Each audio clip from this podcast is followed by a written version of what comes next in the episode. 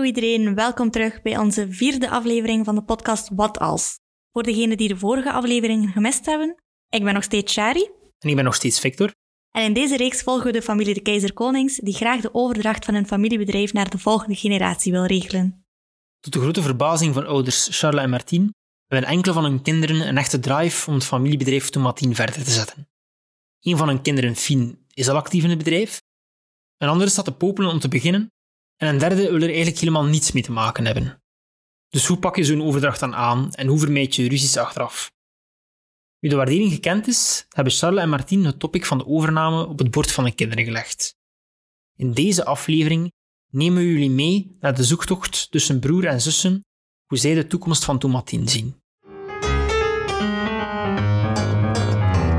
Ja, Bram en Julie, ik ga gewoon zeggen zoals dat is.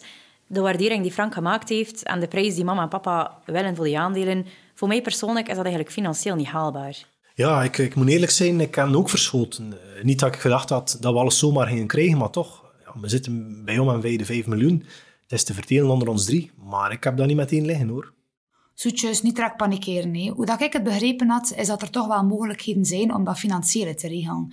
En ik denk dat mama en papa ook niet anders uit de kan willen halen. Maar waar dat ik meer mee in zit, is wie wil er wat. Ik heb ook al aangegeven dat ik voor mezelf een toekomst zie in het bedrijf. Is het waar? Ja, ik ook, hè, natuurlijk. Ik werk erop vandaag al. Ik ken het bedrijf, ik ken het personeel. Als mama en papa er niet zijn, komt iedereen naar mij. Ehm, ja, dus ja. Allee, vind wel weer baas worden, zoals gewoonlijk. Zeg, Julie, dat is nu toch logisch? Ik werk daar al, ik heb daar al zoveel energie en tijd in gestoken. En hij denkt dat je zomaar kan opstarten in dat bedrijf, zonder dat je eigenlijk getoond hebt dat dat je aan kan. Oké, je bent mijn zus, maar ik hoop dat je de objectieve kant hier ook wel begrijpt. Ja, dat zeg ik nu toch niet. Maar hij gaat er zomaar vanuit dat, zonder een keer te willen luisteren, hoe dat ik mijn groei bij tomatine zie, of hoe dat we dat samen kunnen aanpakken. Allee, Bram, zeg ook een keer iets. Meisjes, eh, ik ga me niet moeien in die discussie, eh, welke rol dat jullie moeten opnemen. Het bedrijf is volgens mij gebaat met de beste vrouw of de beste man op de juiste plaats. Maar we lopen wel op de feiten vooruit. Eh, het is niet voor morgen dat ze stoppen. Er kan nog veel gebeuren. Ik zou het liever hebben over de aandelen, want ik heb daar zelf eens over nagedacht. Ja, nu ben ik wel benieuwd. Vertel. Wel, ik had aangegeven dat ik geen interesse heb in het bedrijf. Maar ik heb me toch eens laten adviseren door Tom, mijn advocaat. En ik ben tot de conclusie gekomen dat ik wel aandelen wil van het bedrijf, maar geen actieve rol wil spelen in dat bedrijf. Dat is een voordeel voor jullie, maar dan moeten jullie mij niet uitkopen. Dat is proper. Je zou er dus niet in werken, maar toch zou je er wel een geld aan verdienen. hè? Want die aandelen zijn wel iets waard. Dat is goed gezien. Ja, dat vind ik nu ook niet proper. Frederik heeft ervaring met ondernemen en hij wil wel meedraaien in het bedrijf. Ik weet dat het vroeg is en niet voor direct, maar ik zou het wel appreciëren als we daar op termijn over kunnen nadenken. Serieus, jullie? We kennen hem amper. Ik ga daar nu nog niet over nadenken. Ja, zusjes, we lopen weer op de feiten vooruit. hè. Even focus op de overdracht, zoals de mama en papa gevraagd hadden. Zoals dat ik het begrepen heb, zijn er drie mogelijkheden. Of ze schenken ons de aandelen elk in een gelijk deel, maar dan van zeiden ze zelf dat ze het niet zouden doen. Of ze doen niets en dan wachten we tot het overlijden.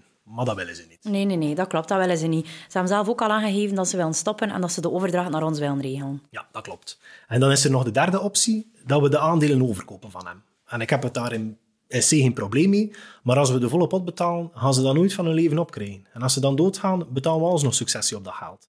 Maar is het wel de bedoeling dat we de volle pot betalen? Willen mama en papa dat wel, of zien zij dat anders? Ja, ik denk eigenlijk dat we dat best kunnen navragen. Volgens mij gaan ze daar wel in meegaan. Nu, ik heb mij ook laten adviseren, net zoals hij, Bram, door eh, een kotgenoot van vroeger die heel veel weet over overnames. Los van wie dat er nu eigenlijk gaat overnemen, want eigenlijk, Bram, dacht ik dat hij zelf geen aandelen wou. Hij stelde eigenlijk voor dat wij een nieuwe vennootschap zouden oprichten. Volgens hem kan dat snel en eenvoudig. En misschien kunnen mama en papa zelfs een deel van het geld schenken, waarmee dan wij dan die vennootschap kunnen oprichten. Maar hè, een nieuwe vennootschap oprichten, wat is het daarvan? Ja, ik had die vraag ook gesteld. Blijkbaar zou het dan de bedoeling zijn dat die nieuwe vennootschap de aandelen van Tomatien zou kopen en dus niet wij rechtstreeks. Die vennootschap had aan de lening aangaan en kan dat dan afbetalen doordat de winsten en de dividenden van Tomatien zouden binnenkomen in die nieuwe vennootschap. Op die manier moeten we onszelf niet in de schulden steken. En als na een paar jaar die vennootschap de lening heeft afbetaald, kunnen wij dan een spaarpotje voor onszelf opbouwen. Ja, dat klinkt wel goed. Ja, dat klinkt inderdaad goed. Maar dan blijft wel het probleem dat Bram mee profiteert van ons harde werk. Allee, ik zit zelf nog niet in het bedrijf, maar ik heb die ambities wel. Terwijl dat Bram eigenlijk het geld zou verdienen zonder er iets aan te doen. Ja, Julietje, ik, ik zie dat anders. Uh, het is zoals Afin zegt. He. De eerste jaren zal het voornamelijk aflossen van de lening zijn. Ik vraag eigenlijk gewoon waar ik recht op heb. Niet meer, maar zeker ook niet minder. Ik heb recht op een derde van het bedrijf. Ach ja, anders hoeven ze voor mij niks te regelen. Als ze overlijden, komt het er toch ook. En, en als jullie erbij blijven van mijn aandelen over te nemen, dan hou ik vast aan de prijs die de frank heeft voorgesteld. Dat zou ook de prijs zijn die ik van een externe partij zou krijgen. Dus de keuze is eigenlijk aan jullie. Keuze? Je laat ons echt geen keuze, Bram. Als papa en mama geen duw in de rug zouden geven, dan kunnen wij jou zelf totaal niet uitkopen op korte termijn. Op de een of andere manier wil ik echt wel dat er afspraken vastliggen tussen ons, dat we om de zoveel tijd een keer kunnen herbekijken of dat we jou al kunnen uitkopen. Ja, volledig akkoord, Fien. Maar ik wil ook dat jullie nadenken of Free zich kan inkopen op termijn. Ja, voor mij is dat geen probleem. Free mag zelfs mijn pakket overnemen als dat nodig is. Ja, ja, wat Frederik betreft, ik snap het wel, Julie, maar ik wil daar toch nog een keer over nadenken. Ik ga nu gewoon samenvatten, wat zijn we tot nu toe al overeengekomen? Ik denk dat we allemaal akkoord zijn dat we Tomatien samen gaan overnemen. Ja. Oké, op basis van de waardering zouden we dan best een keer allemaal samen naar de bank gaan voor te kijken wat is er hier mogelijk. Mm Als we dan weten, samen met mama en papa, hé, hoe dat in elkaar zit, kunnen we een definitieve prijs vastleggen, wat we gaan betalen voor de aandelen. Hopelijk ligt die allee, lager dan de reële waarde. Bij akkoord kunnen we dan die gezamenlijke vennootschap oprichten, elk voor een gelijk deel. En met die vennootschap kopen we dan uiteindelijk de aandelen. Ja. Mhm. Die vennootschap gaat dan die lening afbetalen via de winsten en de dividenden die via Tomatien binnenkomen. Oké, en we leggen op papier onze afspraken vast, zoals Bram die niet actief gaat meewerken en Free die op, zich, die op termijn zich misschien wel kan inkomen. Ja, absoluut. Dat is goed. Ja, ça va, dat klinkt goed. En Julie, misschien moeten wij dan een keer overleggen met mama en papa of jij misschien toch al kan opstarten in het bedrijf. Gezien dat je zegt dat je toch interesse hebt om erin te stappen. Ja. Oei, oei, het is al een half uur. Ik ga jullie moeten laten, want ik moet er morgen vroeg uit. Zusjes, tot de volgende. Hè. Oké, ondanks de meningsverschillen zijn de jonkies van de familie er toch uitgeraakt. Ik vond wel dat de zussen zeker een punt hadden met het feit dat Bram wel aandeelhouder wil blijven, maar dan helemaal niet in Tomatien wil werken. Ja, het overlaten van een bedrijf is altijd een complex evenwicht tussen alle partijen.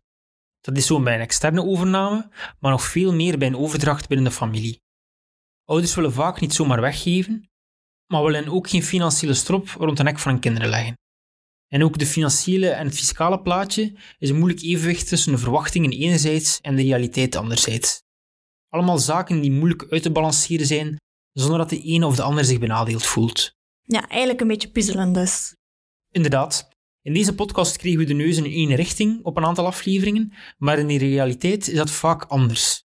Dit vraagt tijd en vereist open communicatie tussen alle betrokken partijen. De conclusie is hier dus eigenlijk: breng deze topics op tijd ter sprake. Dit zal wellicht niet van een leien dak lopen.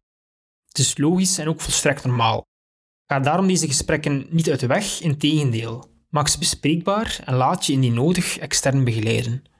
Oké, en wat staat er op de planning voor onze laatste aflevering? In onze laatste aflevering willen we nog eens inzoomen hoe de familie nu de wensen van de kinderen en de ouders laten samenvloeien om tot een werkbaar akkoord te komen. Oeh, benieuwd of dat een portie drama zal opleveren. Tot de volgende aflevering van Wat Als, een podcast van Titka voor en door ondernemers. Roept deze aflevering vragen bij je op over hoe je de familiale opvolging binnen jouw bedrijf aanpakt? Surf dan naar titka.be slash familiale opvolging en vraag een gesprek met onze pro-experts.